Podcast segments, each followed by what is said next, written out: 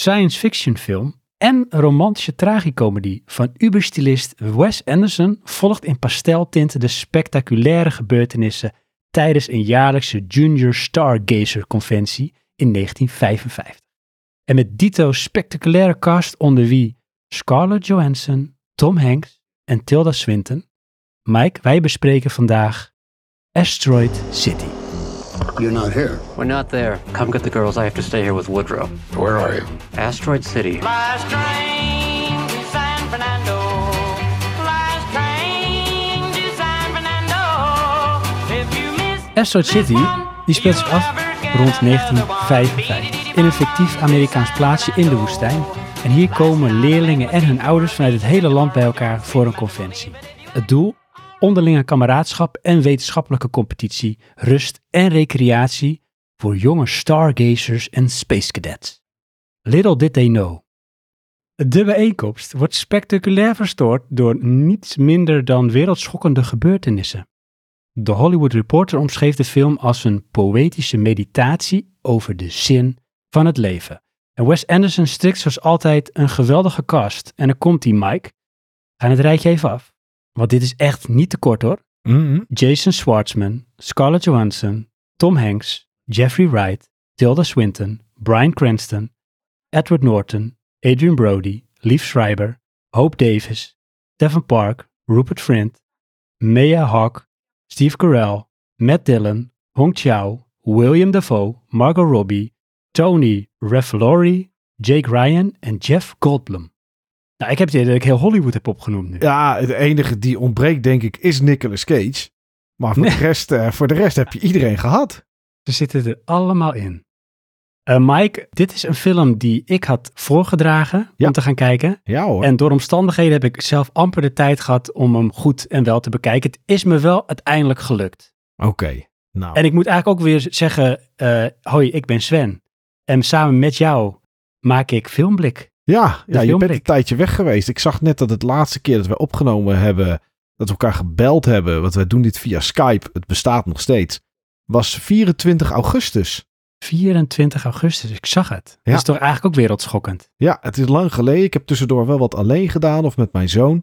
En er stond één film die nou, volgende week of de week daarna, of misschien wel eerder, we moeten maar even kijken hoe dit loopt, die, die, eh, die we gaan bespreken. Dat is Unbreakable. Die had ik ook staan. Toen zei je, oh, die kunnen we wel doen, want ah, die heb ik zo vaak gezien.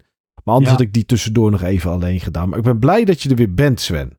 Ik ben ook blij eh, om jou weer te zien, om samen films te bespreken en ook blij om er weer te zijn, ook voor de lieve luisteraars. Ja. Eh, maar dan kom ik in één keer met dit op de proppen. En het is wel leuk eh, voor de lieve luisteraars. Wij hebben natuurlijk hier, voordat we opnemen, al even een gesprekje. En eh, gaan we een beetje toewerken naar de opname waar we nu in zitten.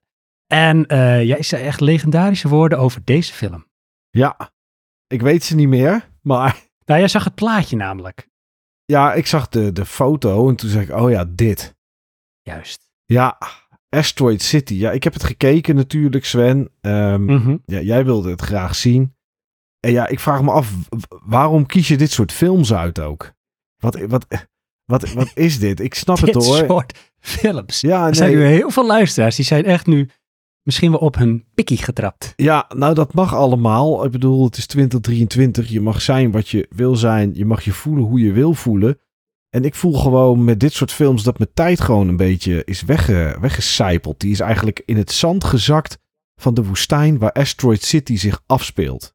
Kijk, en dat is wel mooi, hè? want ehm, dit is een film van Wes Anderson. En het is een hele eigenzinnige, hè, stilistische, excentrieke filmmaker. En ehm, ja, dit is dus niet anders. Dit is wel typisch Wes Anderson, maar ik moet dus wel zeggen, ik vond dit, ik snap wat hij wilde doen, om maar meteen met de deur in huis te vallen. Maar ehm, dat is niet gelukt. Oh. Ja, ik weet ook wel wat hij wilde doen. En dat is iets wat je dan richting het einde zeg maar ziet. Dan zijn er in één keer wat hele vage scènes. Waar allemaal mensen bij elkaar komen. En die ineens iets gaan roepen. En dat herhalen. En, en dat soort zaken. En dan zie je een beetje hoe de film in elkaar steekt. Ja, weet je. Ik heb altijd wel een beetje moeite. En dat zal er misschien eh, eh, voor sommige luisteraars misschien een beetje simplisme zijn van mijn kant. En dat vind ik allemaal prima. Maar ik heb altijd een beetje moeite met filmmakers die niet helemaal duidelijk vertellen of hun personages laten vertellen waar ze willen dat het over gaat en dat je zelf er een boodschap in moet zoeken. Ja, weet je, ik kijk film voor vermaak. Ik kijk film ook wel om erover na te denken, maar dan meer over hoe zit het in elkaar. Maar voor mij hoeft het niet zo te zijn dat ik drie dagen lang moet nadenken met wat probeerde Wes Anderson mij nou te vertellen. En ik ga helemaal niks doen met die boodschap, want ik leef toch mijn eigen leven. Dus ja, weet je, voor mij hoeft hij dat me niet te vertellen. Ja, dat is wel leuk, want we hebben deze discussie wel eens vaker gehad met bepaalde films die een soort artistieke inslag hebben. Ja, En dit is inderdaad net als kunst, hè, maar dit is dan misschien abstracte kunst, waarvan je kubussen ziet en dan zeg je van, ja, ik zie het niet hoor, wat is nou de boodschap? En ehm, ja, ik vind het dus, ik hou wel van dit soort films. Ik hou ook wel van Asteroid City in dat opzicht van, het zet je, eh, aan- het zet aan tot denken, omdat er heel veel dingen worden opengelaten aan de interpretatie. Mhm. En dan is het meer van, ja, in het Engels zouden ze dan zeggen misschien to provoke, hè, om iets te ontlokken bij je, een bepaald gevoel of een emotie. ja een beetje te En dat porren. probeert hij, ja, te porren, precies. En dat probeert Wes Anderson ook altijd te doen. Alleen, ik heb bij deze film het gevoel dat hij daar even te hard zijn best voor heeft gedaan en er een beetje in door is geschoten. Waardoor het eh, stuk voor stuk, ik noemde net al die acteurs op, die vind ik best wel leuke, eigenzinnige personages neerzetten, maar het heeft niet zo heel veel inhoud.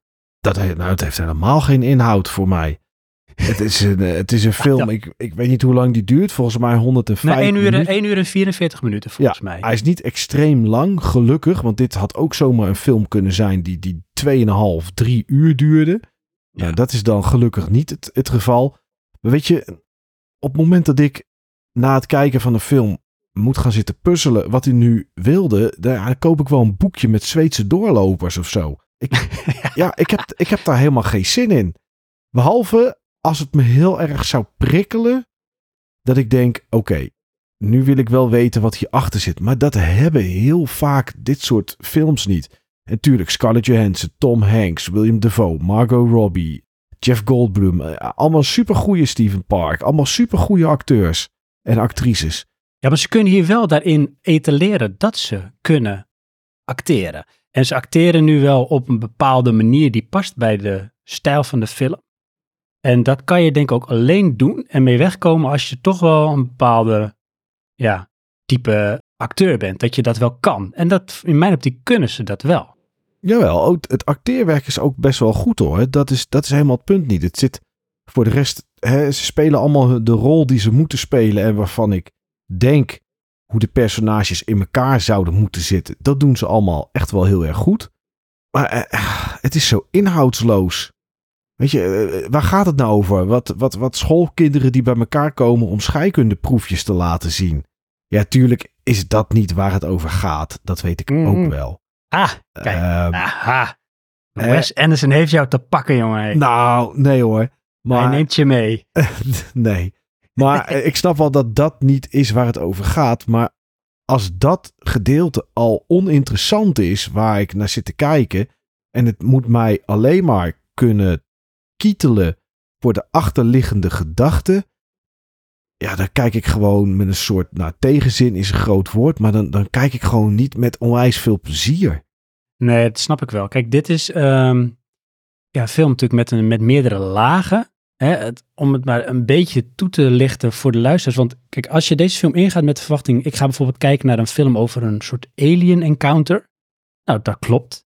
Maar dat is niet wat voor soort film dit is. Dit is eigenlijk, en zo wordt het ook letterlijk wel een beetje neergezet. En dat vind ik visueel best wel interessant. Wat, wat hij hier gedaan heeft sowieso met kleurstelling en met stijl, cameravoering en manier van acteren is best wel knap. Het lijkt heel erg op een toneelstuk. En dat is ook onderdeel van het verhaal in de film, maar het grootste deel van de film speelt zich eigenlijk af in een toneelstuk dat eigenlijk wordt uitgevoerd in die woestijn. Maar dat is echt een locatie. Alleen dat is zo in beeld gebracht in hoe de camera van links naar rechts pent. Het zijn bijna geen bewegingen van voor naar achter, dus er is weinig diepte. Het is heel erg tweedimensionaal. En dat is net als bij een toneelstuk dat je eigenlijk naar een podium kijkt. Zo is dat een beetje in beeld gebracht.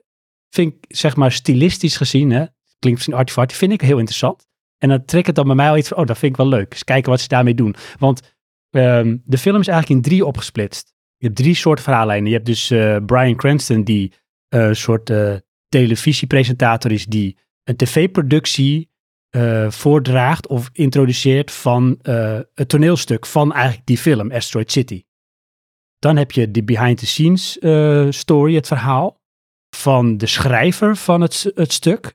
Dat is Conrad Earp, gespeeld door ehm, Edward Norton. En de director, dat is Hubert Green, gespeeld door Adrian Brody. En dan zie je de cast, voor onder andere dus de hoofdrolspeler Jones, gespeeld door Jason Schwartzman. En dan als laatste heb je dan zeg maar eh, de play, dus het toneelstuk zelf. En dat speelt zich, dat grootste deel van de film, eh, speelt zich dus af in dat fictieve stadje. Wat eigenlijk dus de protagonist volgt, Augie Steenbeck. Dat is dus die, die fotograaf, Schwartzman. Die dealt eigenlijk met het verlies van zijn vrouw. En in dat stadje terechtkomt vanwege zijn zoon, die heel intelligent is, die een van die stargazers is. En dan hebben ze autopech. Ze kunnen daar niet weg. Dan gebeuren dingen waardoor het stadje in quarantine komt en iedereen daar eigenlijk ja, op elkaars lipje zit. Je hebt een soort micro-dorpje krijg je. En eh, daar spelen zich dan dingen af.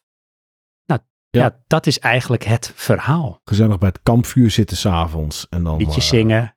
beetje intelligent zitten praten, die kinderen. Dat is een beetje Ja. wat er gebeurt. ja, ja, het is ook wel een soort van. Dat hebben ze allemaal, hè? De dialogen. Dialogen zijn, dat vind ik wel voor mensen die houden van films met, noem het toch maar even, intelligente dialogen. Als je houdt van films van Tarantino, waar de dialogen wel een soort diepgang hebben qua snelheid, qua wat ze zeggen, zit hier eigenlijk ook wel in. Want ze zijn eigenlijk alle mensen in de film zijn soort wel van intelligent, hoe ze met elkaar praten. Alleen ze zijn ook een beetje ontrokken van emotie. Dus het zijn hele rare, ook soort tweedimensionale gesprekken. Ja, maar dat is ook de, de, de, de, de, de stijl van de film. En Precies. de personages en hoe ze acteren. Ja. Deed mij een beetje denken aan Thunderbirds. Ik heb Ja. het, het is volgens mij, deze film speelt zich ook ergens in de jaren 50 af. Ja. Volgens mij Thunderbirds eh, jaren 60 of zo, of jaren 70. Ja. Eh, ja, ik had dat gevoel een beetje, maar ook de emotie, of eigenlijk het ontbreken daarvan in de gezichten van de acteurs, deed me ook een beetje Thunderbirds achtergaan. Alsof het poppen zijn. Interessant, hè? want dat is inderdaad al zo. Het deed mij daarin eh, vooral denken aan Spock Ja. van Star Trek. Ja. Die heel veel ratio heeft, maar gewoon nul emotie. En zo zijn ze allemaal. Ze hebben hele aparte gesprekken. Er zit bijvoorbeeld ook het huisje van eh Augie staat tegenover het huisje van, ik ben even de naam kwijt, maar van, hoe heet ze? Mrs. Big Lips.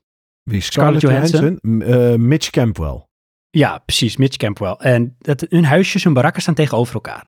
En eh, eh, hij herkent haar, hij maakt foto's van haar, vindt ze niet leuk. Maar dan op een gegeven moment is hij op een of andere manier, gaat hij dus een stuk dat, waar zij in gaat spelen, gaat hij oefenen met haar. Dus hij draagt de dialoog voor en zij gaat dan acteren. Maar ook dat acteren is super weird. Wat ze acteert is in die film, dat ze acteert. En dat zijn zulke rare scènes, maar toch geniet ik daar wel van. Ja, ja, nee, ja, dat zijn wel bijzondere gesprekken. Omdat ja, ze kijken naar elkaar door een raampje. Ja. En eh, ze staan een beetje schuin tegenover elkaar. Het is niet recht tegenover elkaar, een beetje schuin. En dan gaat zij inderdaad, wil ze de tekst oefenen. En dan gaat hij daar, daarbij helpen. Maar ja, hij is een acteur die zeg maar niet kan acteren in de film. Ja. En zij acteert iemand die een beetje overdreven acteert. Ja, En die ook heel snel boos wordt als het niet goed gaat. En, ja. en dat is een hele rare emoties en hele rare manier. Ja, het kijkt gewoon heel vreemd. Deze film kijkt vreemd. Het geeft je een vreemd gevoel als je hier naar kijkt. En dat is nou wel, denk ik, weet ik bijna wel zeker, de bedoeling geweest van Wes Anderson. Want, en daar komen we een beetje waar jij al naar hinten. Er zit een eindscène in de film, zeg maar de epiloog. En daarin eh, wordt iets gedaan waarbij alle mensen die in de play, in het toneelstuk zitten, zitten op een soort podium. En eh er wordt tegen hun gesproken door onder andere William Dafoe, Adrian Brody en nog iemand, even uit mijn hoofd. Ik dacht Edward Norton. En dan op een gegeven moment dan moeten ze gaan imiteren hoe het is om te slapen. En dan staat er eentje op, volgens mij is het Jones, dus de hoofdpersoon, Jason Schwartzman, en die zegt, you can't wake up if you don't fall asleep. En dat wordt door een aantal acteurs dan herhaald, die zin. En op een gegeven moment scandeert iedereen het. En dat is heel apart, Ja, want dat is blijkbaar een boodschap. En sommigen interpreteren het dat dat de boodschap is die Wes Anderson mee wil geven. En dat zou te maken kunnen hebben met het accepteren dat je soms weg mag dwalen in escapisme als je dealt met, met shit, met dingen. Zoals in Hmm. het geval van Augie met verlies.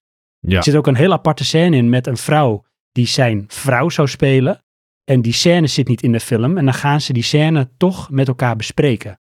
Waardoor je wel klopt. het gevoel krijgt van, oh, dus dit is iets, een heel cruciaal onderdeel van de film, waarin zijn vrouw zijn overleden vrouw, iets tegen hem zegt, een boodschap voor hem heeft. Ja. Dus dat zit er denk ik een beetje in. Is misschien ook weer far-fetched, maar dat is ook Wes Anderson.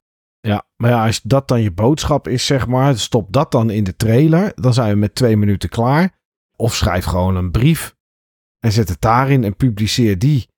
Waarom, waar, ja, waarom moet dat 1 uur 45 duren met een budget van ongeveer 25 miljoen?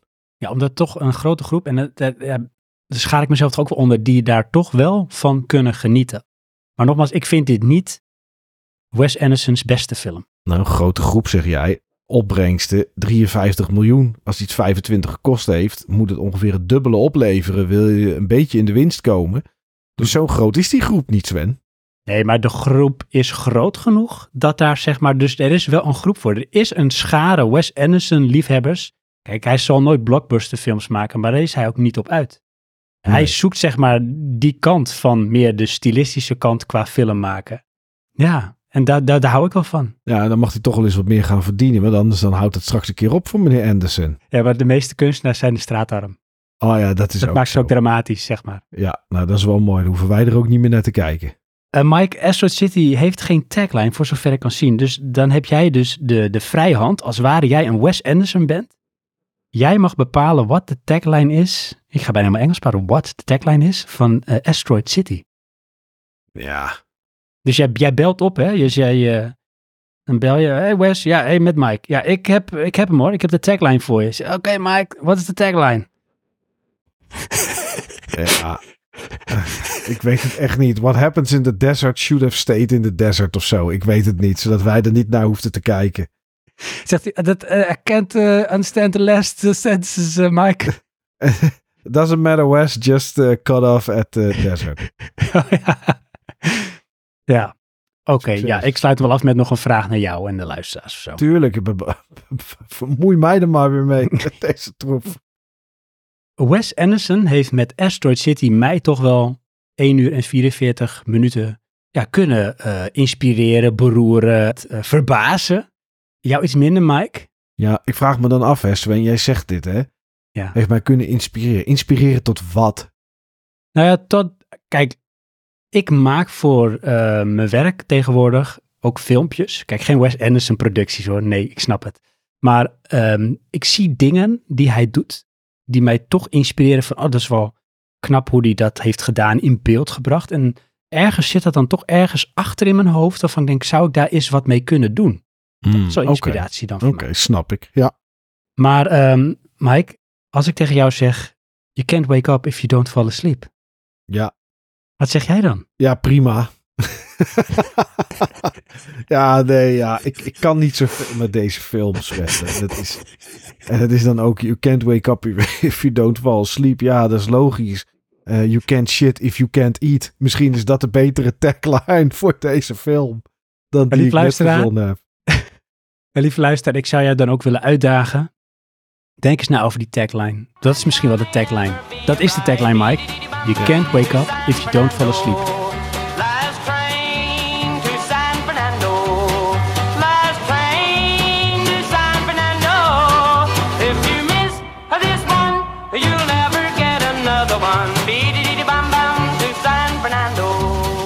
Last train to San Last train to San Fernando.